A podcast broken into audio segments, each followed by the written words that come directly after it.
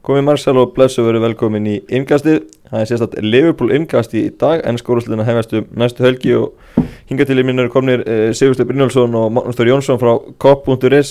Það var fylst með Liverpool í genið súrt og sætti í langan tíma, fleiri áratíði, þannig að mikið reynsla sem býr hér. Velkomin stakar. Takk. Takk fyrir það. Það er alltaf gaman að spjallum Liverpool en það er kannski sérstaklega gaman núna eftir hennan sömagluga.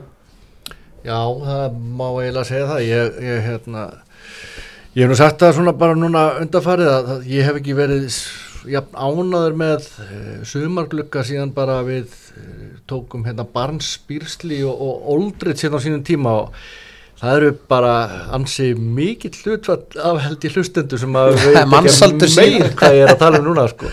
Þannig að það, þetta segir svolítið mikið. Það búið að vera adressa alveg ótrúlega miklar vandraðastuður til margra ára. Þannig að jú maður er mjög bjartur og ánar með sumarið. Eins og Steini segir sko, það er fyrst, fyrsta skiptið held ég bara í, í hérna, já, mörg ár þar sem að menn einhvern veginn, það var náttúrulega augljóst eftir, eftir mæmánu hvar vantaði inn í liðið, það var eh, svona, við vorum held ég, flest liðbúlaðandur sammála það, það er það adressaðinan markmann og miðjan vantaði breytt og, og hérna það var svona þessi helstu luti sem að vantaði. Og það er bara fyrsta skiptið sem að, sem að það er bara klárt mála að það var uppgreitt á, á þessum leikstöðum og minna, í fyrra sumar verður það að býða til vanda ægfram í janúar en einhvern veginn núna þá, þá lítum maður yfir hópin og, og svona mann finnst þannig að það sé komin breytt í allar stöður hjá Liverpool mm. og það er eins og Steini sér, það er, það er eitthvað sem hefur ekki gerst ótrúlega lengi að við getum bara mist menni meðsli bara í öllum stöðum bara jafnvel tvo eða tvo eða þrjá jafnvel eins og miðunni og verið samt bara með þrælvelskipa lið sko. mm. þannig að það er ekki spurning að það verður geggja sumar í kjölfar alltaf frábærum vetri fyrir að þó að menn hefur ekki fengið títil veist, það er verið að, þarna verið að styrkja mjög gott lið, menn, við vorum með flott lið hérna Benítez sem fór nálætti að verða mestarar en þá uh, var bara meltdown í félaginu það voru 2009 hefðu við þurft að fá 2-3 alvöru leikmenn inn í, inn í það lið Þannig að það er líka það sem er málið, við erum, við erum ekki, við erum ekki að byrja frá einhverjum grunni, stundum að komið góði glukka þar sem liðið hefur verið svona að slagara kanti. Nú feng, erum við gott fókbóltalið sem skilja gegja fókbólta og bætir við sig frábæra leikmunum, þannig að það er geggjað. Og ekki, ekki kannski síst bara ef þú horfir á samkeppnina líka, því að það er nú reyndar tveir dagar eftir af glukkanum þegar þetta er tekið upp, en bara þessir helstu samkeppnis aðilar okkar á Englandi Man United eru búin að kaupa mjög öflugan miðjumann. Síðan er þetta bara einhver ungur bakvarður og, og þriði markvarður uh, Tottenham er ekki búin að kaupa neitt uh, Chelsea einn miðjumann. Chelsea einn miðjumann. City einn vangmann. Og menn farnir út á móti þannig að enn sem komið nefn að fara allt bara á hurrandi sving núna á loka sentimetrónum þá, þá er maður búin að vera svolítið hissað hvað þetta er búið að vera rólegt mm. hjá hinnum stóru klubunum mm. og Leopold byrjaði bara strax uh, hvað tveimundum eftir tappi í úsluleik meðsildinu það var Fabinho mættur. Já, bara vandamála staða til margra ára hjá liðin þannig að það var bara, það var ótrúlega í þessu sorgarferli eftir, eftir úslítaleikin og þá var þetta eitthvað, eh, svona mjög bjartar fréttir strax og eftir. Það er kannski verið einmitt, svo, það sem hefur líka verið með gaman fyrir okkur sem hefur verið að fylgjast með þessu lengi og búin að horfa með mitt á þetta eigandaævindir allt og höfum stundum verið að lengi verið að tala um einhverja leikmanna nefndir og einhver svona, einhver svona ferli í gangi á félaginu sem hafa kannski ekki alltaf virkað. En manni finnst líka bara svona síðustu tvö ár með, með tilkomu okkar yfir maður Gleðválds að það sé sem sagt svona komið plan sem er ná að fylgja og það kannski komið ljós með Fabinho og í rauninni kannski með Fekir líka þegar þeirra hlutinir koma þessu upp á borðið með það að menn voru með það, var frágengi og klart þangar sem meðslið kom upp og svo fekk maður bara tilfinninguna bara leiðu háma búið, það var bara búið að gýra sig í markmannin og það var kláraður einu ótrúlega stuttum tíma með að þetta var dýrasti markmann í heimi og minna upp að sem enginn að það er svolítið sem að maður hefur að lesa um sem að líka þegar, sem að vísi í sko, mannsaldur að það er einhvern veginn þannig núna maður upplifar einhvern veginn að félagi sé alltaf tögus og tögus um áttina sko. eigundirnir eru algjörlega kominir yfir allan að vafa um það að þeir ætla sér eitthvað með þetta félag þjálfari sem að verist algjörlega kveikja á svona þessum ljómaði kringum Liverpool með verðingu fyrir öðrum liðum þá, þá er það bara þannig að Liverpool er öðruvísu klubur og þú þart ákveðin element sem hann verist hafa þannig að þú veist bara andurslóttið í kringum Liverpool og, og félagið allt núna er einhvern veginn svona á þeim stað að það er allir svona býða rosa spenntir. Og það hefur ekkert alveg verið þannig. Við hefum verið að díla við alls konar svona eitthvað krísur undan fyrir ná sem, að, sem hefur bara verið að adressa á síðustu tveimur árum. Bara eftir, eftir að svona síðustu þetta, þetta, þetta, þetta Rodgers hætti þá einhvern veginn gýraði klúpinu sem var upp sko. Og það er frábært. Já, voruð þið á því fyrir úrslalega meðhaldanar að Leopold þurfti nýja markvörð eða voruð þið til að gefa Kari sensin? Já, sko, það, það er náttúrulega fótbolti byggist alltaf á eftir á spyggi það er bara, það er alltaf rosalega auðvelt að vera rosalega flottur spekulant eftir á. En bara miða við það hvað við bara á koppunduris erum búin að tala oft um Alisson og Oblak í podcastum alveg bara all, allan síðasta vetur. Þrátt fyrir að Karius ko hafi komið þann inn og, og stigið ágætlega fram á þessum úrstættarleik þá held ég að hafi allir vita það að menn vildu fara að fá eitthvað verulega stóran bita til lengri tíma í markið. Og ég var handvissum það að þetta myndi gerast strax eftir mest úrslitaleikin eh, ég var farin að halda að Klopp ætlaði að taka eitt þrjóskukasti í viðbót og halda sig við Karius. En sem betur fyrir Hann talaði um það, vildi sjá hvernig hann væri andlega og, Já, og gaf hann fyrsta leikin á Prísísson og það fór svo það fór já, já. en ég held að þetta hafi verið komið samt já, já, komið samt lengra þá og við svo sem, og við svo sem rættum það mitt í hérna podcast áttunum okkar fyrir úrslutaleikin að þarna væri komið stóra prófið fyrir leikmannin Karius hann hann við- segja hann að þið fallið á því. Já, hann má alveg segja hann hafi bara kall ángin bara ég hef gefið á margar engunir hann hefur klárlega falla engun ekki 4,9 Nei, þetta var tölvöld að vera að hann var auðvitað með virðingu því eins og Denni segir sko, hann var búinn að stiga upp en það voru auðvitað Rómaleikurinn, má kannski segja var einhvers konar test þar sem hann fer á sig sexmörkur en þetta var svona testi þess og hann fjall í láði og svo því miður náttúrulega kom, komið þetta ekki eftir og ég segi alveg svo Steini ég, ég hefði alveg ágjör á því að menn alluðu sér að fara í þetta, svo sem vita það kannski einhver að ég er svona sem hef lengi pælt í markmunum og þetta er alltaf búið að vera einn sorgar saga hjá Liverpool síðustu bara frá því að grópilar vinnur okkar hætti hérna bara upp úr 90 þá er bara hver pappakassin eftir annan búin að í rauninni fá með virðingu fyrir mönnunum standaði þarna í búrinu með hanska og bara það var fyrir 2-3 ár þetta sem reyna náði að virkilega lifta þessu upp og bara virðingu fyrir leið sem er ágættismarkmaður Kari sem er alveg efnileg markmaður. Ef þú ætlar að verða þetta lið sem okkur langar í þá þarftu bara mann sem tekur til sín, hann áttur að gera sín mistök og var alveg shaky í, í Dublin á, vikunni. En, en hann er bara, þú bara, bara sjá bara, bara hvernig hann sparka boltanum frá sér, þú veist, bara þú veist, við erum búin að tala um það, minjulega var hann ekki, það var hann ekki hans besta form og Kari satt erut með það. þessi er líka fyrir utan það geta gripið, þá var hann að senda 60-50 minnur sendingar, hann er að gera hluti sem að, sem að skiptir máli fyrir lífum markmann að vera og hann er trölla burðum alveg trölla burðum og bara þú veist, þetta er bara svona þetta er bara svona gaur sem að ég hef alveg trú á að verði þarna þessa, þessi sex ár sem samningur hans er og, og þráttir, og þú, þú ert alltaf aðlagast ennska boltan, smækkilega mitt talaði nú um það einhvern tímann hérna í, í vor þegar hann var eitthvað að ráðlum það, að mér er að hann þurfti ákveðin tíma til að komast inn þannig að menn vera, vera þólum með fyrir því. En, en þannig er bara komið maður sem að okkur hefur held ég vantað undan farin ár. Já, en það verður fróðald að sjá hvenar ha ha ha sjáðu þennan kemur svona eftir fyrstu mistökin. Já, það er einmitt það, efansættamenni þeir tala um að, að hérna, hann hafi verið á bekknum fyrir Sjessni hjá Róma, eigi bara eitt alveg tímanbíl á baki og, og svo framvegis, hvað viltu segja við þessa gagginni magi? Sko, ég er náttúrulega, sko, ég segi svo steini við, við vorum, sko, það, það voru tveir bitar á, á markmannsmarkanum það var að vita að Kurtu er, er, allar sér til Madrid aftur. Það voru tveir bitar, það var Óblakið Við með Gulla Gull sem að hann með mitt gána upp ákveðnir efasendur um, um, um rauninu um þá báða og það bara svolítið kemur í ljós. En, en sko, eh, gæðin sem hann hefur og það, það er ekkit einfalt að vera landsinsmarkmaður Brasilíu. Það er bara, mínu viti, það er bara, bara, bara dörlu erfitt og það er, það, þú, þú, þú ert ekkit þar í nútímanum eftir háum þar nefnum þú sért búin að vera að vinna í ákveðin, þáttum. Hann auðvitað var þegar hann kemur til Ítalíu þá líka einhver ákveðin aðlegun sem er í gangi og Sessni átti gott tímabil. Í fyrra þá, þá stígur þessi strákur upp á þann hátt að það tekið eftir honum. Og það er bara þannig sem þetta er. Mína, við vorum Steini, ég man ekki hvort að að var ég fúll og ég með það að stóru Liverpool í fyrra voru einhverju ekifsku gaur sem hafði aldrei náð sér í liði hjá neinu sko. Í Ömurlega hárgreiðslu. þú veist með ömurlega hárgræslu sem að gekk inn í Chelsea. En það er einhvern veginn það sem að mér finnst maður vera svolítið að upplifa að menn eru svolítið meira með eitthvað plan og eru búin að alveg, bara þræl skáta því það, það gefur manni ákveðna von. Þó við höfum auðvitað efra ergi okkur stundum og því vonum fúlir að fá ekki vann dagur eftir um tíma að það er bara reyni ótrúlega hátt ratio af leikmönnum sem að klopp og hans félagar kaupa til þessins sem virka menna í september í fyrra var síðan hjá okkur logandi hver var að kaupa einhvern bakverð frá liði sem fjall og oxleitur ofmennast í leikmaður skilur að þú veist, það er einhvern veginn kannski það líka sem að mér finnst maður einhvern veginn sem var að segja á það það, það er einhvern veginn þannig sem menn eru búin að identifikera hvað þarf og ætla bara að adressa og það uh, fyrir kannski út á bara markmannu tölum við Fabinho ég er ennþá spenntastur fyrir að sjá hennu Nabi Keita gauð sko. Sá, sá hann hérna á móti Napoli.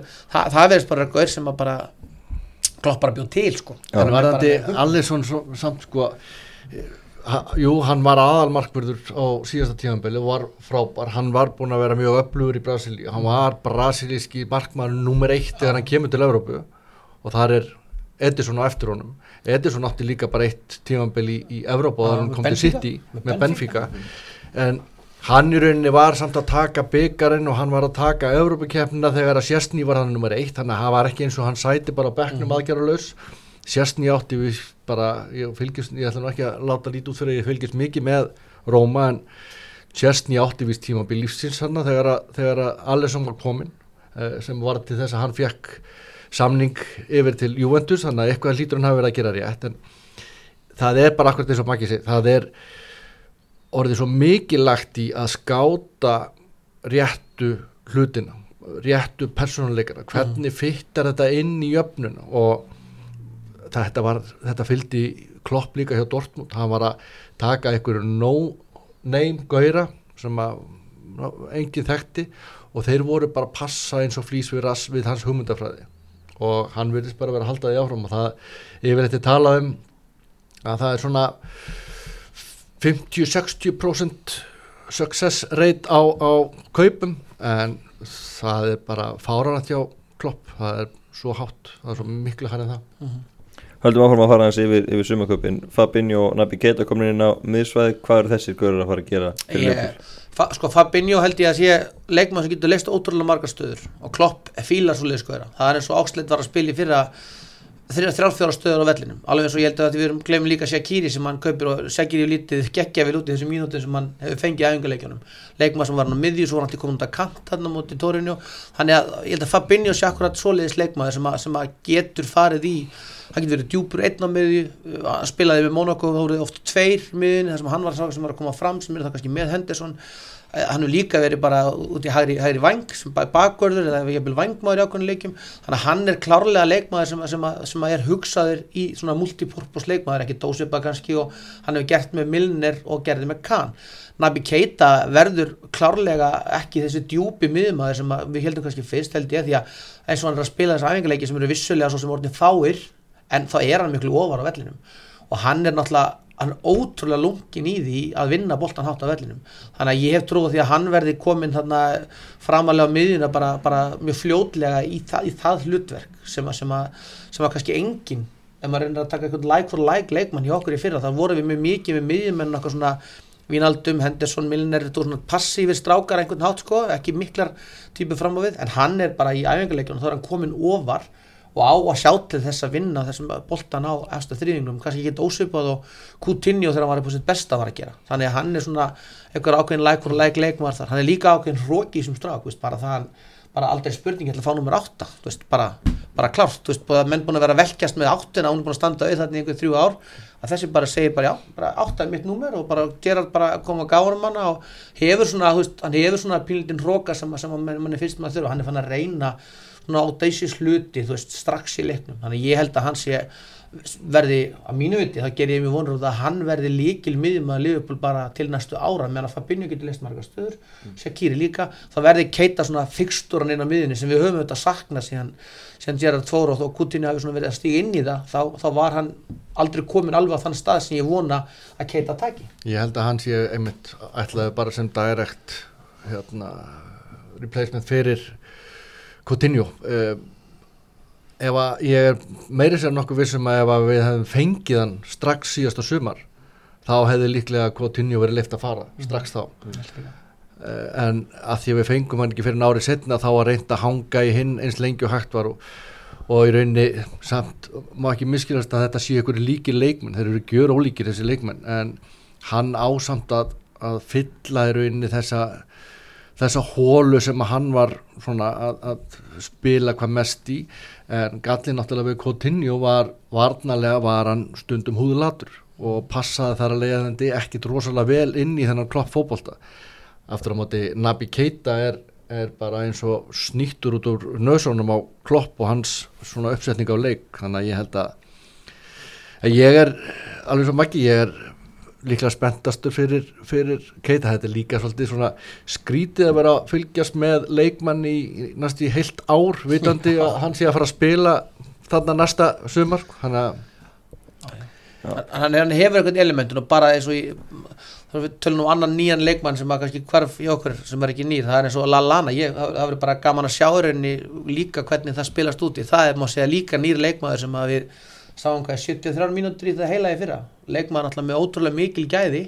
Ef hann helst einhvern tímann heil sem er alltaf tæft, við erum líka að fá inn hérna leikmaður sem heitir Daniel Störrett sem við höfum afskrifað á, á K.is síðustu þrjú árin en hefur virkað í alveg formið lífsins í þessum æfingarleikjum þannig að, veist, að það er einhvern veginn líka þannig sem, sem að auðvitað næstu tvertar eiga svolítið til að segja til um það, maður veit ekki alveg ennþá hvort er allar sér að halda öllum þessum leikmunum, en þá er komin ótrúlega breytt, ef við tölum um þessa leikmun sem vorum við fyrir, við bætum Lalana, Sturridge og Shaqiri inn í þetta. Shaqiri var nú að spila sem svona, þetta flott orð, sem fölsk nýja Já, já. á tímabili á móti Napoli Já, og var að virk, skýtverka þar sko, þannig að ég, það er akkurat þegar maður horfið á bekkin í þessum blessaða úslítaleik í mestaradeitinni að þá var mjög fátt um fína drætti þar, það var, þar var Lallana sem var búin að spila í nokkra mínútur samflett, þar var Emre Can sem var ekki búin að spila nokkra mínútur samflett og að fara.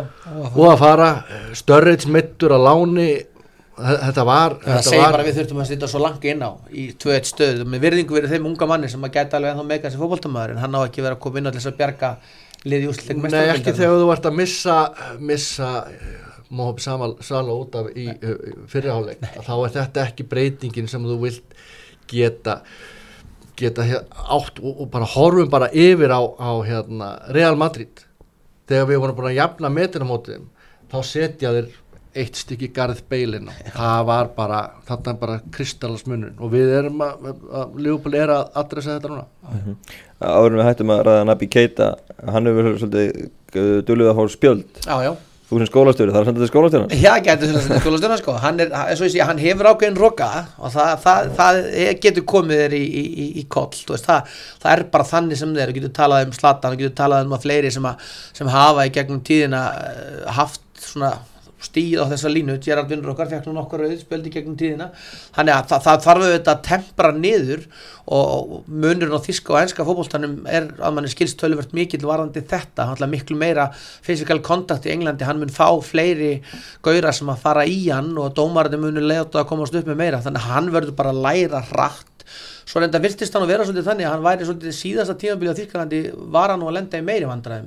Og það kannski geti líka verið eitthvað tengt hans einbindingu, ég veit það ekki, en það er alveg klart mála hann, við meðum ekkit við því að hann fáið 2-3 rauð spjöld, ég veitur, það, við viljum ekki það, það, þarf hann að læra í, í Englandi að þeir, eru enskir dómarar, þeir, þeir, þeir eru svolítið þekktir held ég fyrir það, ég get bara sagt það með í ljósi nýra útgáðu og okkur um einhverjum vælulista kynnsmýrar sem kallaðar hjá öðrum heldur United mönnum í dag að við höfum alveg verið að lenda í domgjastlu vandamálum og höfum verið að lenda í hlutum sem er erfið að við. Og hann verður að tempra það að sér. En samt bara svona ég er búin að skoða þessi spjöldans á síðasta tíðanbili heimskulegustu og verstu og mörg af þessu spjöldum komu strax í upphafi tíðanbils þar sem hann var hundpyrraður yfir að fá ekki hérna, transferið sitt til Liverpool og svona menn voru þýskir blaðamenn voru að í að því á, á tímabili hann væri bara að reyna að koma sér út.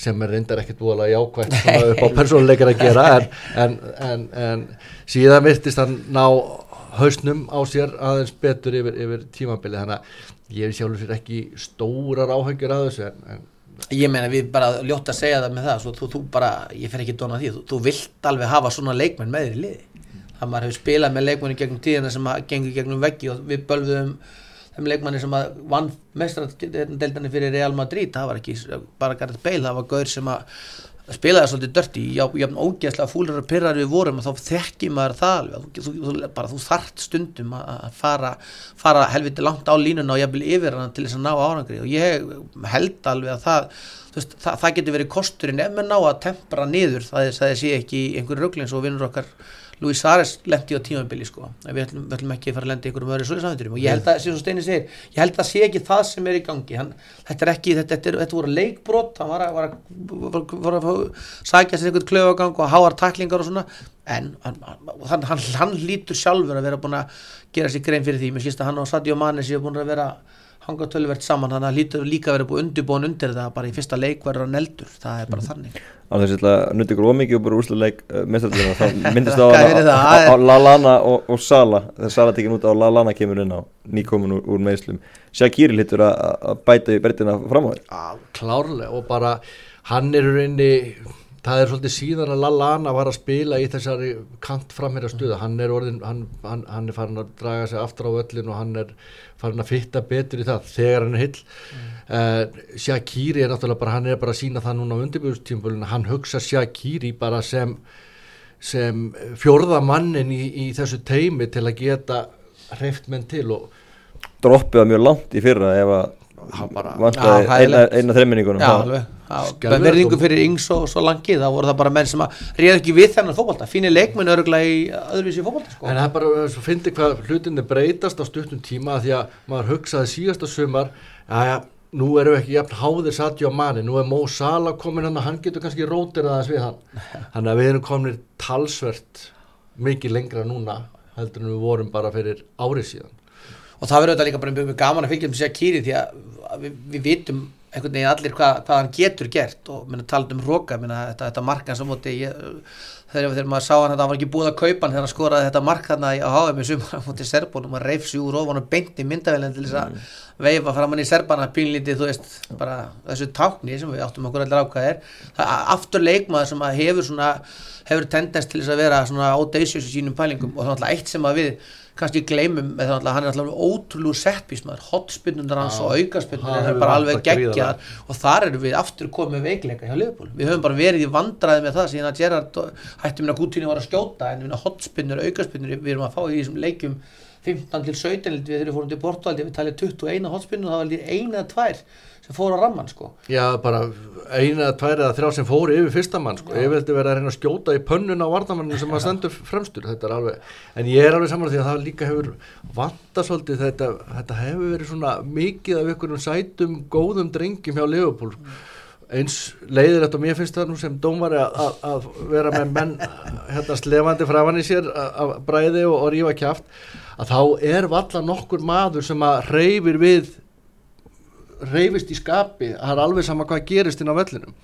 Og bara alveg sem Maggi sagði stundu þarf að vera einhver svona vondur strákur þarna sem að getur aðeins hristip í hlut- hlutunum. Og ég held að við séum höfum verið að Fabinho verðist vera voðalegt grei og krút sko. Hann, ég hugsa að hann, hann gerir nú ekki mikið af þess en, en klárlega Nabi Keita og Shaqiri koma með ákveðin svona hróka inn í sinn leik og, og, og þú lappar ekkert yfir þess að gauðra sko Þetta marg sem að segja í skoða mútið mestur nættu dögunum, það er líka glæð ykkur. Já, heldur betur.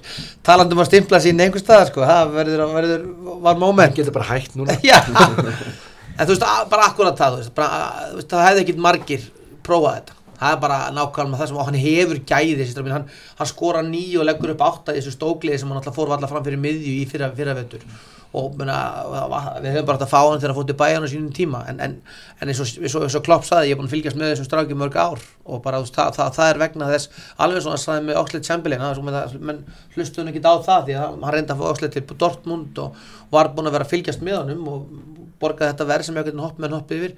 En ég meina ég er alveg sannfærður það að ef, ef Oxlade hefði ekki meitt sig þá hefði við verið á öðrum stað jafnvel í þessari mestaradelt við söknum hans mjög mikið. Það var bara, það var ákveðin element í hans leik sem að voru farin að virka þessi langskot og þessi, þessi öflugur í pressun að vinna boltan aftur.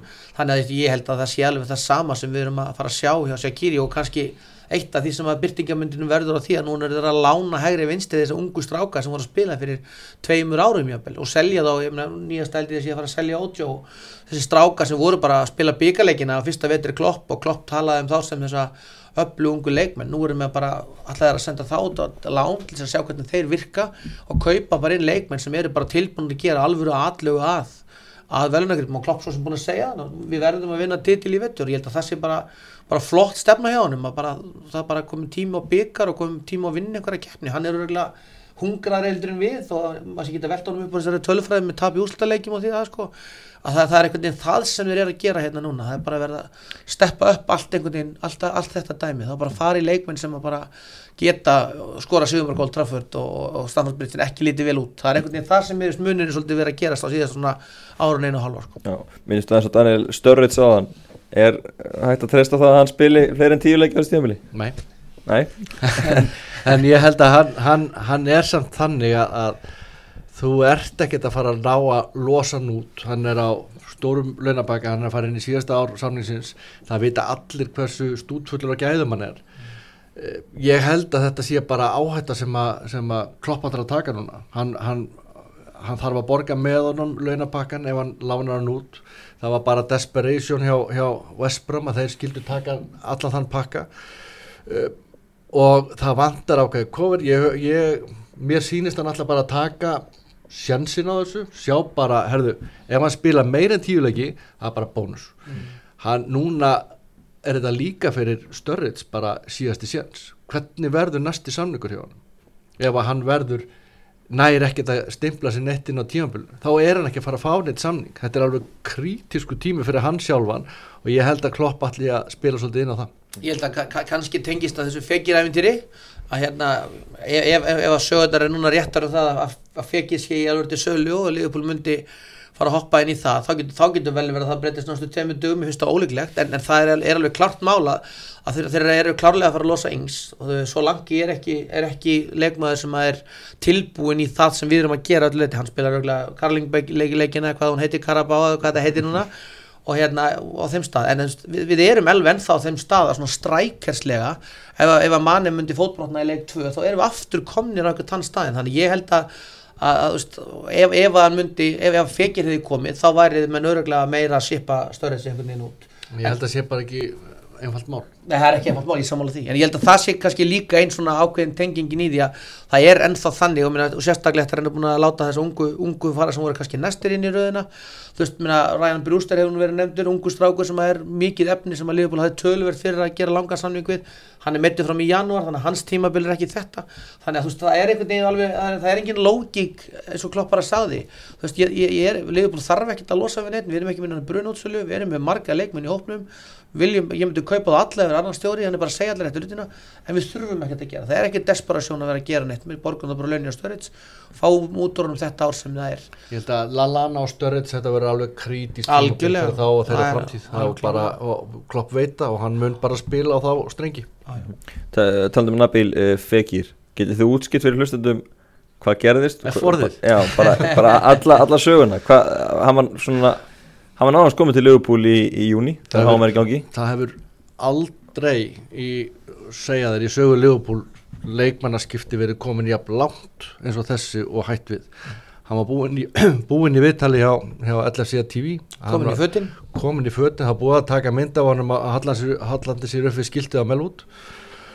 E, klappað og klárt hann er búin að skrifa undir samning og, og það er búið að, að negla verð niður en hann fer í lækniskoðun og þetta er allavega það sem að svona traustasta sem maður hefur séð, hann fer í lækniskoðun þeir vilja fá annað álit, eh, þeir vita alveg að hann fór í krossböndu fyrir rúmum tveimur ánum og þeir vita alveg að hann er búin að fara í einhver smá meðsli síðustu tvö, tvö sísón út af njám en það er sjá eitthvað í fyrstu lækniskoðun og vilja fara í, í annað álit og fá það.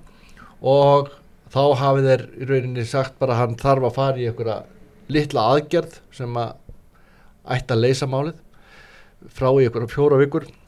En að síðan er kemur loðinni parturinn hver í rauninni menn vilja meina að þeir hafi viljað svona endur stilla verðið endur stilla verðið út frá þessum upplýsingum og Líón hafi sagt nei, þetta fjall á tíma fyrir HM, hann fyrir á HM og síðan þá er, er bara ekkert búið að gerast. Og, og, eitt, eitt partur auðvitað er að því við svo sem vitum að því að Forseti Líón hann hefur nú ekkit átt auðvelt með að selja leikmenn það er ekkit einfalt eiga við hann þannig að hann verðist líka að hafa bara einhvern veginn hoppað upp og skellt í lás og, og þá bara einhvern veginn bökkuðum minn út úr því. En það verður mjög fróðilegt að fylgjast með þessu næstu dögum því að það er klart mál að Líón er að reyna að selja það, það er alveg klart mál þegar að hann er svo fann að koma í viðtöl Hann vill fara og vill fara selja. Líón vil selja hann sko að það verður alltaf gaman að sjá bara hvernig þetta verður því ég held, ég held eh, að, að þessi áhuga hafi verið alveg genuinn og menn, menn sé alveg alveg spenntir fyrir honum en, en, ég vil að þó það nú væri Ég það, sko. að hann er nánast byrjar að spila fyrir liði þannig að það verður bara, bara að þetta er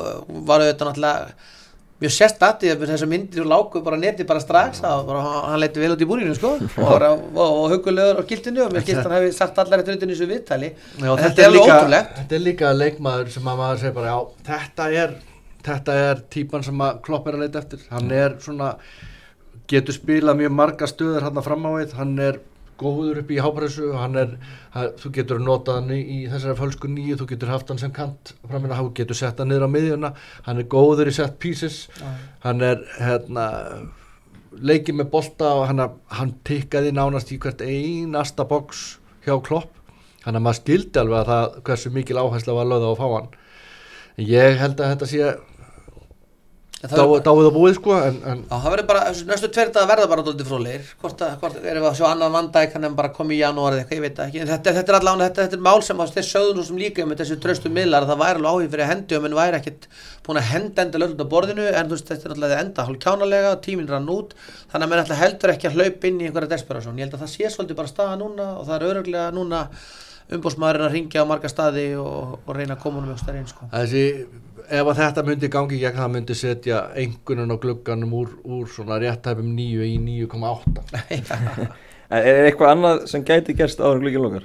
Er þetta eina sem að ekki inn held ég, ég held að hann sé alveg búin að sauma fyrir það það sem að flesti svona kannski horfa til hvort að, hvort að það er að bæta við þarna miðverði Já. ég held að hann sé alveg búin að hérna, negla niður hann ætlar að nota Gómez þarna sem einn af kostunum og hann er með fjóra aðra.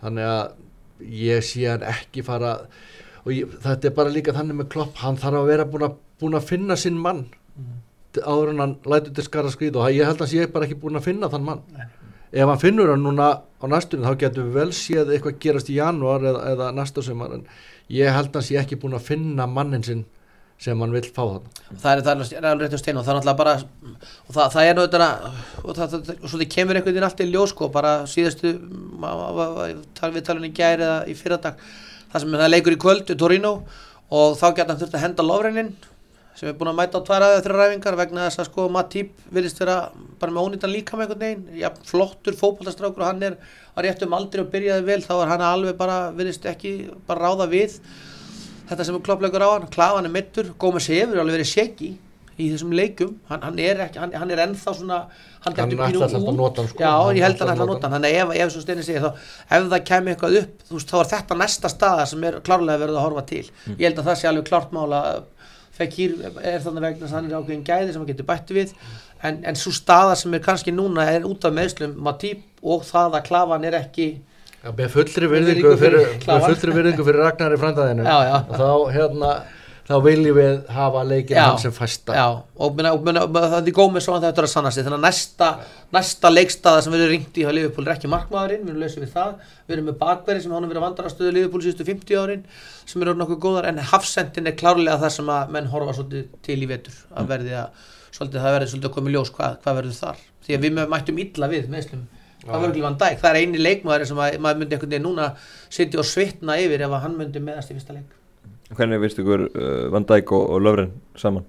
Mér fannst þið flottir, mér fannst þið bara mjög flottir mér fannst löfren stíga bara mikið upp eftir að Van Dijk kom til liðsins. Uh, löfren kom allir mér svolítið vonbröðum frá því þegar fyrst þegar hann kom sko, ég held hann væri meiri svona leiðtói svona skipulegjandi í vörðinu sem hann er bara klárlega ekki. En eftir að uh, Van Dijk kom inn að þá fór hann upp um level og, og ég, það bara reyndar ávið um alla sem að koma við hliðin á, á Van Dijk. Ég, ég geti ímynda mér núna bara hvernig þetta verði fyrir vörnina. Hún ætti að geta tekið allavega tvö skref upp á við að því að nú er Van Dijk frá byrjun. Þeir eru komnir með uh, skjöld fyrir fram að sig sem er Fabinho ætlaður klárlega þar. Og þeir eru komnir með heimsklassa mann fyrir aftan sig líka. Þannig að ef að þetta hefur ekki áhrif á sjálfstrust og svona öryggi í varnamannina þá bara hvað gerir það þá? Þannig að það sem að kannski fólk sem að hefur ekki séð, ég er ekki svo sem séð nema einn leik með, með Virgil van Dijk live, það var út í Portugal í vetur og það er það sem að kannski við verðum ekki vör við í sjónvarpinu, er náttúrulega þetta er, þetta er náttúrulega, að mín klárlega þetta er náttúrulega ljósmála Klopp fílar Henderson og Henderson er fyrirliðin á Klopp en ég held að sé, ég, ég held að sé no-brainer að Virgil van Dijk verði næsti fyrirlið Liverpool, Algjörlega. því hann er stanslöst kjáftandi og það var einmitt þarna í þessum leikur unna þarna 5-0, einhver eitt eða tvö moment annars það sem Karius klikkar og hins vegar það sem hann eitthvað gerir vel, þá er Van Dijk leiðið næsta engast eitthvað, þá er hann komin að tala við það og hann er að kjáfta við á leik, leiðið okkur pási í leiknum, hlaupin út af hliðalínu til þess að spjalla eitthvað í þjálfarateimið og, og hann er bara þessi leiðtói sem þú þart að hafa í veist, fyrir utan náttúrulega hæfileikan sem hann hefur. Og það er þetta bara klárlega þessum steinist er það sem held að Löfren hafi vant að Löfren hefur alltaf verið þú veist, eins og hann, hann er svona varnamæður sem spila 95% leikina rosalega vel en svo tóknar hann döglega heila og gerir einhverjar glóriur sem maður bara, þú veist, maður bara áttar sig ekkert á. Og það að vera með mann við hliðin á sig sem er einhvern veginn alltaf að halda þér á tánum halda þér vakandi og halda þér í, í syngi hefur bara verið það sem hann kannski þarf. Og minna, við veitum að vona maður það að það að komast í úsleita lík HM og svolítið svona, hann er einmitt fann að koma út með kassan og ég var líka kláður að heyra að hann kalla sig besta varnamann í heimi bara- einna bestu, bestu, Þetta er aðeins búið að þróast þetta En meina, þú veist, það að hann skuli hafa þá einhverja trú á sér er líka bara held ég jákvæmt fyrir okkur meðan, meðan, hann- meðan hann yfirspennir ekki en, en þeir sem par voru bara klárlega að virka bara Ég mestar að áhugir af með Löfren Blesaðan er, er, er bara hérna meðsla dæmið Já, já. hann sko. Ég hef í rauninni ekki áhugir á hann við hlið, hliðin á Van Dijk. Það, það er, þeirra bara náðu það vel saman og, og svona þessi setni hluti tímanbilsins varnarlega var bara ofta á tíðin bara mjög finn. Sammála því. En það er ekki bara lefum búin að koma hann, Emre Tjan fór og svo mistu Oxlade Chamberlain í, í meðsli Meðsli ár. uh, söknuður á þeimur, þeimur Chamberlain alveg klárlega. Ég, ég hef nú verið mjög kritískur á Emre í gegnum tíðina mér finnst hann vera svona allt of óstöðugur og í rauninni óagaður leikmaður. Hann, hann hefur farið óskaplega í töðunar á mér en átt líka frábæra, frábæra hérna, leiki og, og það er svona hálf súrt að missa hann frítt í burtu en ég mun ekki sakna hans mikið svona inn á vellinum ef ég var bara alveg eins og er. Mér fannst hann aldrei finna einhverja ákveðna stöðu sem að hann gætt sagt að hann væri bestur í. Hann var allt og óaður til, að- til að halda vera, vera djúpum miðumæður hann var mikill kraftur í honum og hann var sóknarlega ekki alveg nógu góð til að vera hérna, þessi framlíkjandi miðumæður en Oxlade Chamberlain aftur á móti eigum eftir að sakna vetur, það er algjörlega á tæru. Og ég deilis að skoðast þeirra Einar Matti að stýttu nú þarna með okkur þetta hann, hann er ekkert vita á þessu. hann, hann, er ekkert við þessum, hann rata á þetta nummer eitt hjá Amerikan held ég, hann verður haldið uppi fyrir hann vörnum en ég er algjörlega sammála steini í því að, að, að ég gerir mér vonur um það að þessi uh, kaupa Shakiri kannski gefa okkur svolítið sjensin á að, hérna svona aðeins að bæta upp þetta Oxlade þessa Oxlade vöndun því að þannig að hann stútsi að hann verði eitthvað með það ekki? Já, ég held að minna, er ekki talað um að byrja einhvern veginn í februar februar mars, það verður kannski eitthvað í, í loka april byrja mæ þannig Já, að já. ég- menn reikna menn reikna ekkert með honum bara það verður úrslitaleikin í mestaraldir næsta vor bara. Við settum okkur það en það er ekki spurning við, við um þetta að En sakna það eiga nokkrir eftir að fara Já, núna já, næstu tvo daga og, og jafnvel eftir það það lokar ekki glugginn á, á út fyrir en 31. þannig að en einhverja deildir loka samt inn til sín fyrr. Átjánda á Ítalíu held ég. Það eiga eftir að fara einhverjir fjórir, fimm hvort sem það er á, á, á, á sölum eða láni. Og alveg viðbúða kannski maður býður alltaf eftir einhverju stóri söl á móti þessum en svo sem það kannski verður ekki. Þetta ég er bara hafa ágjörð hvort að Lallana verður kannski bara látin Nei, ég held að ekki, ekki fyrsta, fyrsta Oxlade Origi, Ings. Mignolet þetta eru klárlega gaurar sem að fara Markovic er þannig að þá bara þess að þetta Það var- bjartasta von mitt, stærsta sjálfsmark sennilega í, í, í hérna leikmanna væntingum Portugalin, uh, minn portugalska fótbolta hefði gaf mér góða vonu Markovit sem hefur ekki alveg gengið eftir. Nei, það er, það er svolítið sorglegt um, um fótboltamann með fullt af hæfileikum en, en, en greinilega ekki alveg með með svona dræfið eða, eða hvað ég var að kalla það bara hérna markmeðasettinguna sína og, og, og bara svona skapið í þetta, það bara vantar. Eh, verður Karius markmann um tvö? Það lítur allt út fyrir það, já. Ég held að það verði bara þannig, hann meiri segja byrti mynd af, af dreiginu sinni í gær inn á Instagram bara á eftir þessu flotta vídjóu sínu. Það náttúrulega er hefni heilan þátt. Ég er enda ekki alveg vissum það. Ég held, ég held að þeir séu klárlega að reyna að losa annan gott eh, Störrits talaði steinum á hann sem ákveði blokk minjulegin náttúrulega líka á stóra samningi. Ekki, ekki, ekki Minjuleg fer þegar hann, hann, hann bara verður að fara. Já, ég held að hann, verði, en það, ég held að hann sé líka svona toxic waste sem er erfitt að losna við það búið að gera. Menna, við getum þurft að borga launin hans. Það er nýjasta var það Napoli var að tala við á um helgina en voru ekki tilbúin að borga launagreisluna þeir verða aldrei báðir. Og ég, ég held að Karius sé done deal hjá Liverpool. Ég held að Liverpool mun ekki byggja á hann meir. Ég held að sé bara þannig. Fyrir hans sem ungu markmann og Stefan fengi annar lið núna þá held ég hans jafnvel áfjáður í að fara aldrei það er bara aldrei að koma í ljós. Annar er áttur að fara ég held að klúburinn sé að reyna að losna minnuleg búið að selja vort já já búið að selja vort þá, þá verður það eitthvað svona sem verði, verði erfitt að gera.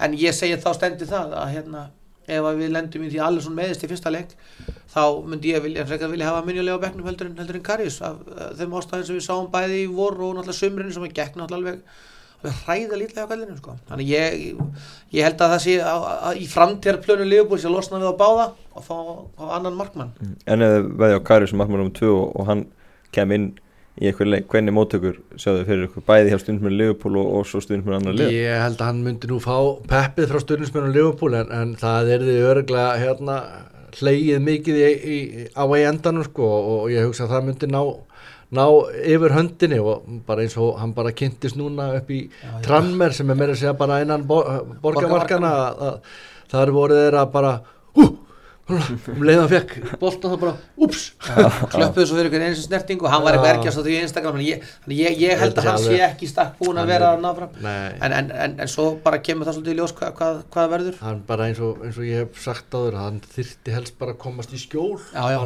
á lán í Þískaland en ég, ég held bara að, að Leopold sé ekki að fara sipa út þremi markmunum og tveimur inn í staðin ég held að minnjuleg fyrr vort er farin og ég held að þeir allir bara að reyna að byggja Karius upp innanfrá. Mm -hmm. Búin að ræðum uh, breytin og hún er búin að aukast talsvöld, er einhver ungu götti sem að gæti fengið sensin í vettur svona sem er lítið verið að rata um hinga til. Sko ég er náttúrulega var svektur að missa Harry Wilson sem að ég hef hort á, ég, ég, maður svo klikkað, maður horfður á undir átjánu og undir þryggja leikin, hann út í eitt líka. Það er strákur sem er með frábær frábæran fókbaltækjaði, það hefur verið gaman að hafa hann bara áfram og láta hann fá þessa byggarleiki og minni leiki til þess að skoða. Uh, það er náttúrulega er strákur sem er, er gigantist efni sem er að stiga upp á Liverpool 17 ára strákur sem heitir Curtis Jones sem er ógeðslega spennandi leikmaður en hann er bara 17 að verða 18 þannig að ég, ég er ekki vissum það að hann fái margar mínútur í vettur þegar hafa alltaf notað Nat Phillips í, í, í vörninni. Og það getur vel verið að hann byrji leikin í kvöld. Það er strákur svolítið svona unsung hero sem að kemur í búlingarleginu en þessi Curtis Jones er leikmaður sem að væri mjög gaman að fá að sjá. Hann, er, hann, er, hann hefur skrokkin í þetta hann hefur, svona, hann hefur akkurat hróka og dræf, hann hefur, hefur þetta elementa, veist, hann verðist ekki hræðast að komast inn í aðleisleikina, hann er búin að spila vel á þessum æfingarleikum og hann var að spila 23 ára liðinu, sko 16 ára gammal móti nöfnum og var bara að fara allarleið inn í það. Þannig ég held að því að Wilson og svo Woodburn þetta náttúrulega komnir í lán í burtu mm. þá var Curtis, Curtis Jones svona nafnið af ungumönunum sem að vera gaman að sjá. Og svo náttúrulega kom mér mjög óvart sem að klopp náttúrulega átíl að gera það er þessi Rafa Camacho sem er búin að spila bakvörð í, í, í leikjunum. Strákur sem er búin að vera að spila sem sentir og, vangframherji alla sín ferli kemur alltaf inn í bakvörð og er bara spennandi. Þannig að klopp hefur alla sína tíð verið að gefa ungum leikmunum að sensa þannig að Karlin Köpp einhverju leikir í meistrarallir sem skipta minnamáli vonandi fáum við að sjá eitthvað þessum strákum en, en ég held að sé enginn þarna tilbúin að taka Trent Alexander Arnold dæmið, mm. það er enginn sem að mun spila 35-40 leiki í vettur held ég. Að það er enginn jafn heppin heldur eins og Trent var að því að hann bara, já, já, hann þá bara búið að bara taka brautin og gera hann á auða fyrir framannan með því að Klein spila, náttúrulega hann kemur inn aftur, hann var eiginlega ekkert með á síðust tjömbili og Gómez sem spilaði þetta mittist Gómez að reymbast þarna og hann að hann bara fekk bara flugbröð að nýta sér og, og það eftir það eru núna bara Klein sem er landslismæður og, og Trent sem er landslismæður og Gómez sem er landslismæður og hvað er alltaf að þá fjörði hægri bakvarður en, en klárlega sko það, það var mjög slæmt fyrir Leopold síðustu leiktíð hversu hrattir fóru út úr deildaböggandum því að það er náttúrulega klárlega keppni sem á að nota til að koma þessum strákum svona aðeins inn í, inn í svona aðaliði það er Camacho, það er Phillips og það er Curtis Jones, það er Brewster þegar hann verður klár. Já, já. við getum meira sér að setja svo langi inn í, inn í þessa jöfnu. Þetta út af því að við Leopold er búið að auka breyttina það mikið núna í sumar þá eru þessi strákar ekki að fara að fá mikið af innlitum á bekkin einu sinni. Það verður, hann verður með fullan bekk af, af mönnum sem ge- hann getur bröðist við í, í leikjum og það eru ekki þessi strákar. Nei og það bara, þetta er bara, bara útbörður gott dæmi um það. Hann spilar 14 leiki. Hann tveimur er árum. Meittur rosalega mikið í fyrra, já, ég meina, hann er samt, hann er samt fyrir utan hópið langan tími í fyrra og svo bara ennþá styrkist hann er, hann er svona típa sem maður vill hann spilar kannski í þarna framalega miðinni út af köntum, þar sem að bara gæðin er orðin þau að þú veist, það var bara mjög lógist að hann færi bara í þú veist, það er auðvitað það sem er líka málið að, meina, það er orðið miklu erfiðar að vinna sig inn í þetta liðupúlið heldur en bara þegar við, við, við fengum allan stóra argangin hérna upp þegar Gerard Owen Carragher sem kallar dutt allir í gang þá varum við náttúrulega að tala um lið sem að gata ekkit mikið og undan honum Makman, þeim Makmannamann og Fálir sem að Súnins tók inn vegna þess að liðið var og Hutchinson sem var bara liðlegt lið. Núna er bara liðupúlið að allar sér að fara í alvöru slagum um mestaratitil og fara aftur langt í mestaratildinni og það er auðvitað bara miklu erfiðar að vinna sér í svoleiðslið heldur en fyrir kannski tveimur árum þegar klopp bara að byrja vildi lifa um að prófa.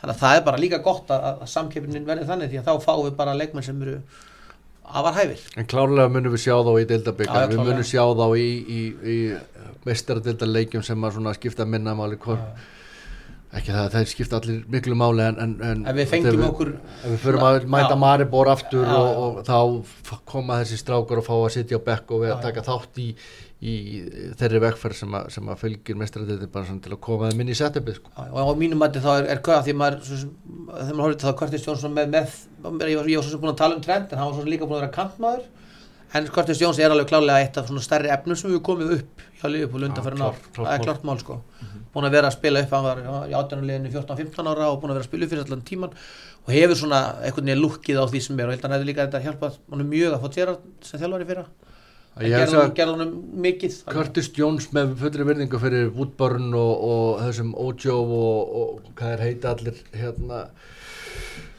ég held að þetta sé svona mesta efni sem að við höfum fengið inn í, í akademíuna síðan að Rahim Storling kom þar í gegn sko. saman að því Hvaða leikmann minnir hann ykkur á? Hann er svona, það er fara- svo ljótt að fara að segja eitthvað. Hann, hann, hann er næsti Já, næsti hann er næsti, hann er svona orðhundars miðumar hann er, hann er út af köntum núna í, í aðliðinu að hann er klárlega típan sem, að- sem að væri í svolítið eldasti stöðun sem Keita er í og sem Gerard var að gera á í unglingaliðunum hefur hann verið að spila í svona falskri nýju eða í áttunni. Það er hans leikstaða, hann er grjót harður líkamlega sterkur strákur mikill tæklari en svona ofarlega á vellinum. Og þeir hafa alveg þú veist, þeir, þeir byrjaði að kvísla New Gerard en í Liverpool Bruno Giroud var næsti í Zidane og eftir það hafa við neila hætt þessu næsti í Liverpool, það er svolítið þannig er- við vorum að fá nýja Zidane, byggðum spenntir eftir því Já, en hann er svona, hann er svoleiðis típa. Hann, hans, hans leikur í allan unglingaliðunum og þessum yngri liðum hefur verið þarna í áttu og nýju þetta er kraftur Já. þetta er mikill kraftur og þetta er, hann, er, hann er flinkur í fótballstrákur og stór, sterkur. Hann, að, hann er bara þetta verður bara svona box to box miðjumæður ef, að- ef að allt fer sem horfir sko. já, klálega. Ef við förum að sé yfir byrjunarliðið. Ef við myndum setja ykkur í, í stóra stöðununa Þið fáið að vera klopp. Still upp allir heilir Hvernig stillið liðin upp? ég byrja. Steini byrjar, Steini byrjar, Þú séu svolítið, svolítið svipaði með þetta. Ég held að við séum alveg með markmannin á, á tæru og algjörlega. Og Hafsandabarið, Alisson, Alisson í markinu. Alisson í markinu, Van Dijk og Lovren í hafsendaparinu. Robertson í vinstri Robertson á vinstri það er, það er svona kannski stóra spurningin er svolítið hægri bakvarurinn uh, hvernig standið á klænir ef klæn í toppformi versus hérna Trent. trend varnalega klæn, sóknarlega trend Mhm. þannig að það er svona staðist af ég, ef ég ætti að velja bara út frá síðasta tíumbil þá myndi ég taka trendar bara svona upp á æsileikan Samanlega heim ekki? Já, ég held það líka ég, en, en það er alltaf frábært af, af því að hann verið að fara að tala um að selja klæn ég var úrgeðslega gladur að heyra mér alltaf ekki að gera það. Þess að auðvitað er, sko, annað tímabil leikmanns er ofta erfitt. og sérstaklega eftir að Trent er búin að fara á HM og búin að upplifa þá hluti, þá getur alveg verið erfitt rungan stráka að ná að halda stabilitinu. En Mil, hann er náttúrulega bara svo frábær leikmaður hann Trent, það er svo gaman á hann að vera með sókna, með sóknabækur sem getur líka varist. Hann er eins og ég samála steina, Klein er betri varnalega en Trent er ekki, ekki veikur beint varnalega, Klein er bara mjög góður þar. Það er bara reynsla Já, og, og bara hann er- hann á að geta orðið mjög góður. góður haus. En, um miðjun er erfiðast að verja. Ég, þar, þar er, er ég, finnst mér erfitt að átta mig hvaða þrýr að Ég held að sé bara ekki, það er náttúrulega erfitt að segja þau voru bara búin að horfa á einhverja slatt af æfingarleikjum, engin já. alveg leikur komin en, en fyrirfram myndi ég segja að, að Fabinho væri að sitja fyrir fram að vörnina Nabi Keita og, og Henderson þar sikkur megin fyrir framannan og síðan þarf ekki að ræða hérna fremstu þrjá sko. Ég heldur sem bara samlega stein Ég er búin að vera að velta fyrir mér einmitt Hvar hend og fitt er inn í þetta. Þú veist, menn, hafa ótrúlega lítið álita honum finnst mér, mér þetta er flottur fótboltamaður. Og hann er leiðtói, þú þarf svolítið að vera live til þess að sjá það, hann, hann er þeir eru einhverju sparkaði niður og hendur svona mættur hann er komin á þessa staði sem hann á að vera að gera. Hann er ekki, hann er ekki afbörðamaður hann hefur bætt sig í þeim hlutum sem Klopp vildi hafa hann þannig að hvort að, hvort að hann eða Vínaldum væru í þessari miðju þá held ég að Hendo verði þar. Og Hendo var keiftur sem bókst og bóksmiðin maður Ég við sko- mögum ekki gleyma því að Klopp bara, um við sagði það, hann var spurður eftir þetta tvo þrjá leiki, getur Henderson orðið sexan þín og hann sagði hann bara verður að vera það. Það var engin sexa í liðinu. Já. núna er komin sexa og það verður bara alltaf gaman að sjá því Hvernig var Hendo tímabilið það sem að við vorum var- næstu jórni meistarar? Meistarar. Hann var frábær. Og þá var Gerard í, í sexunni svo kallar. skoraði fimm mörg Já, bara var verulega góður og, og, og, og svona eitt af höldum áfram að rifja upp alveg umjöla skemmtilega, leiðilega hluti að leikurinn frægi Já, sem að við nánast töpuðum titlinum og þá vorum við hendolausir og það var meira en að segja það að vera ekki með það þar og hann hefur fengið að mínum dómi allt og mikla gaggrinni frá, frá stundisminu Leopold, þetta er virkilega góður fótballtamaður hann er, ég er alveg saman á því, hann er ekkert bestur í að kofara fyrir vörnina. En hann er bara góður í fótbolt og ég held að hann verði alltaf hluti af sterkasta liði Heldur líka. Uh, mikil ombriði undanfarnar að ná ekki að landa enska meðlunum kominir nokkur áratýr síðan Það er síðast að reyna að græta okkur? Hugsið um þetta uh, fyrir hvert tímabila núna að setja að fara að þetta inn? Nei, þetta er í fyrsta skipti lengi sem að maður svona fer virkilega bjartur inn í tímabilið uh, þessi mýta með að- Leopold við náttúrulega, pólarar erum alltaf langbestir í júni og júli sko. En ég held að almennt séð að þá hafi verið mjög fáir Leopold stunismenn sem að voru með vendingar um titilin menn voru náttúrulega með það þarna þegar við fórum langt en, en við mistum Suárez strax á eftir þannig að það barði menn niður á jörðina aftur þannig að Já, bara eitt, eitt sigur í fyrstu sex Já, Haustið ég held eftir, að- það dó bara.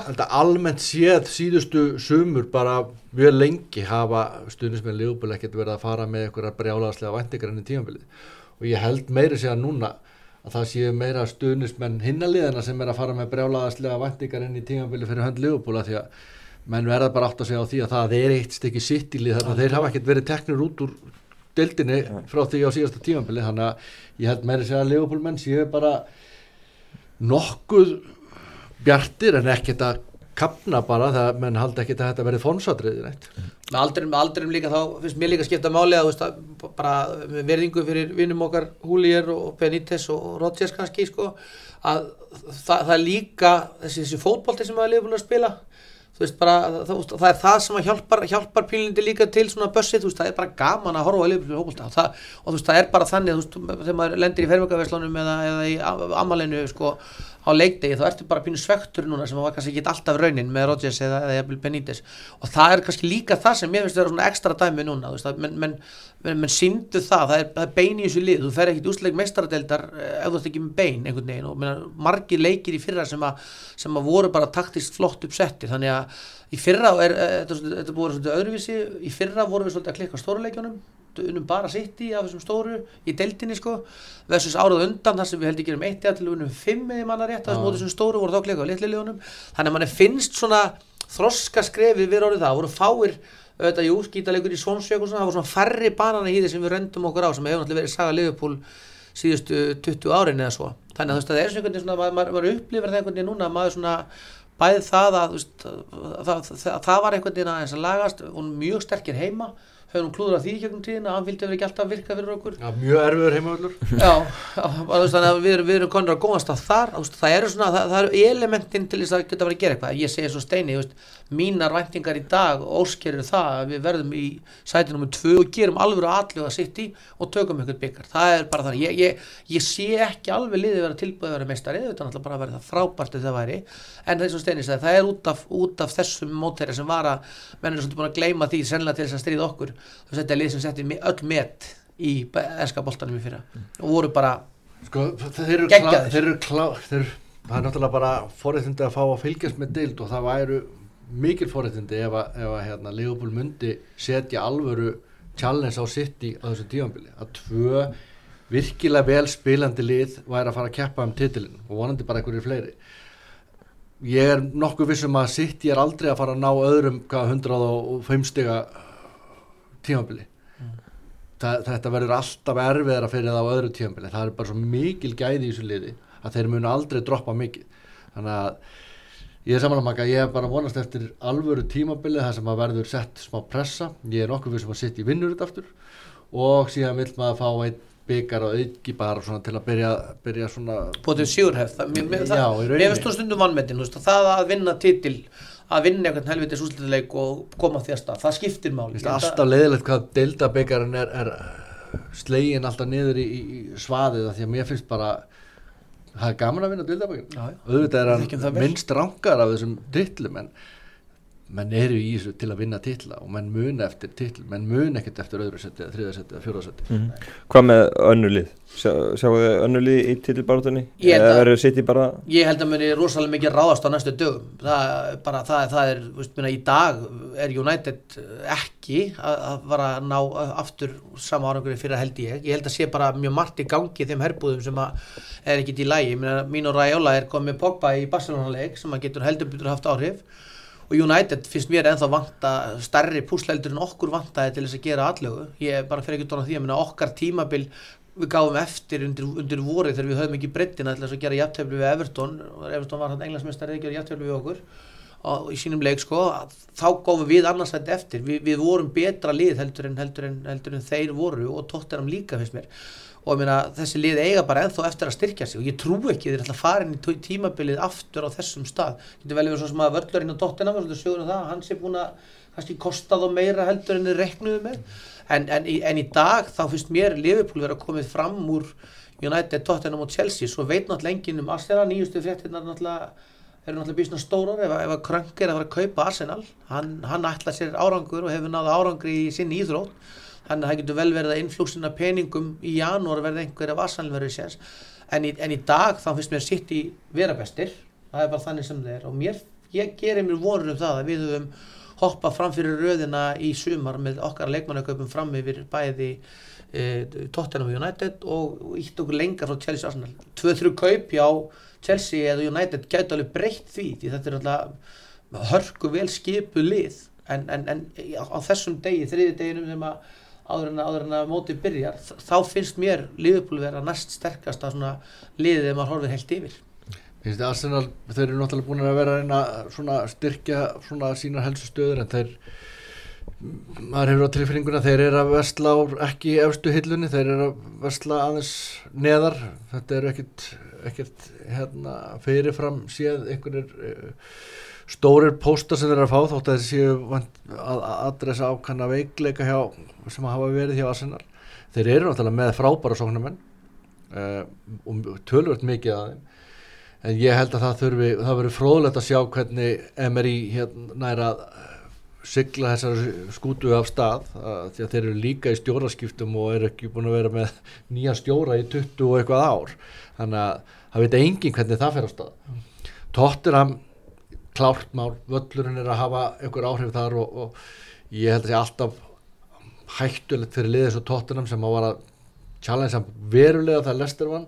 Aðeins minna næst og aðeins minna næst og eru síðan ekki að bæta neinu við sig. Bara hvað, á, hvað áhrif hefur það? Þú þarft alltaf einhverja smá endur nýjun á hóp styrkingu á hóp. Chelsea er, er líka óskrifablað nýr stjóri þar Nýr- áherslu breytingar í fótbolta sennilega? nýr stjóri þar, komin einn nýr flottur leikmaður þar inn en maður veit ekki hvernig, hvernig hérna, það fer af staðurinn, þeir, eru mjög líklega að missa markmannin sinn og alltaf er að fá Böttland þar inn til, a, til að fylla það skar Byrjaði, hann byrjaði vel um helgina?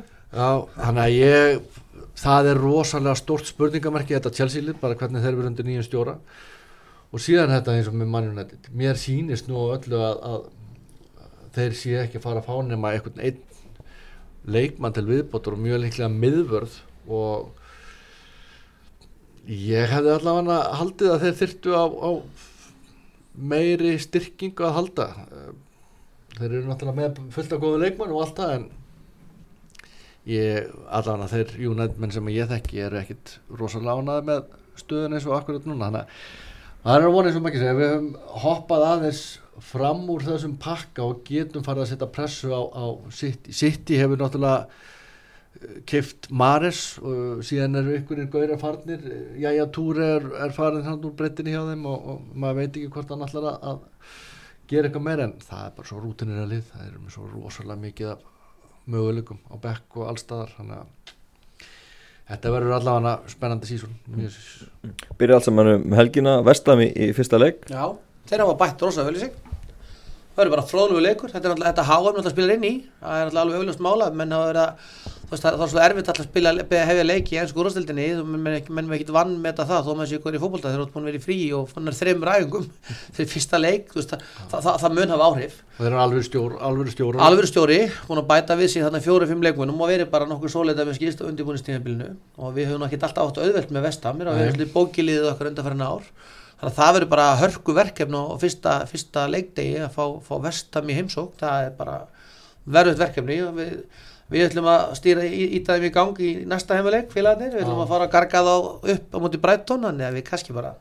kannski byrjum þetta ekki fyrir við mætum. Það verður gaman að geta bara sagt það. En, en að sama hátt þá náttúrulega ef þú ætlar að gera það sem við erum að tala um ef þú ætlar að vera í þessari baráttu sem þú ætlar að gera þá verður að vinna vestam á heimaðalli og ég held að það var alveg rétt. Ég held að, ég held að þetta leik, þetta tí- lið sem við sáum spila mútið Napoli núna um helgina verður nú sennilega byrjunlið í okkur og það er nú ekkit slangt byrjunlið Nei, nei, en þetta verður hörku erfiðu leikur vestam, ég hefði alveg getað hugsað mér eitthvað, eitthvað annan byrjunarleik því. sko, heldur, en, heldur en vestam og það verður líka svolítið fróðið því að það er náttúrulega vestam hefur styrkt sig fúlham að vera að gera flott kaup. Menna að því að hún er gafin að að með, alvöru þá ertu að leikmönnum. tala um nýliða samt. Já, já. við erum að tala um vestam er að setja, þeir voru með fullt af eh, nokkra fína leikmenn, þar er, er verið að bæta við í rauninni það sem fyrir var og stjóra sem að kann þetta frá aðtölu en síðan verður rosalega fróðlegt að sjá sitt í Arsenal já, já. í fyrstu umferð. Bara hvar standa þessi lið núna? Nákvæmlega Förum að segja þetta gott Maggi og Steini Takk hérlega fyrir spjallu og þeir sem eru að hlusta ennþá meira okkur Þeir fara bara á kopunduris og, og hlusta okkur þar er það ekki? Algjörlega, þar samkjöftu við ekki. Mjög gott, takk fyrir það takk fyrir okkur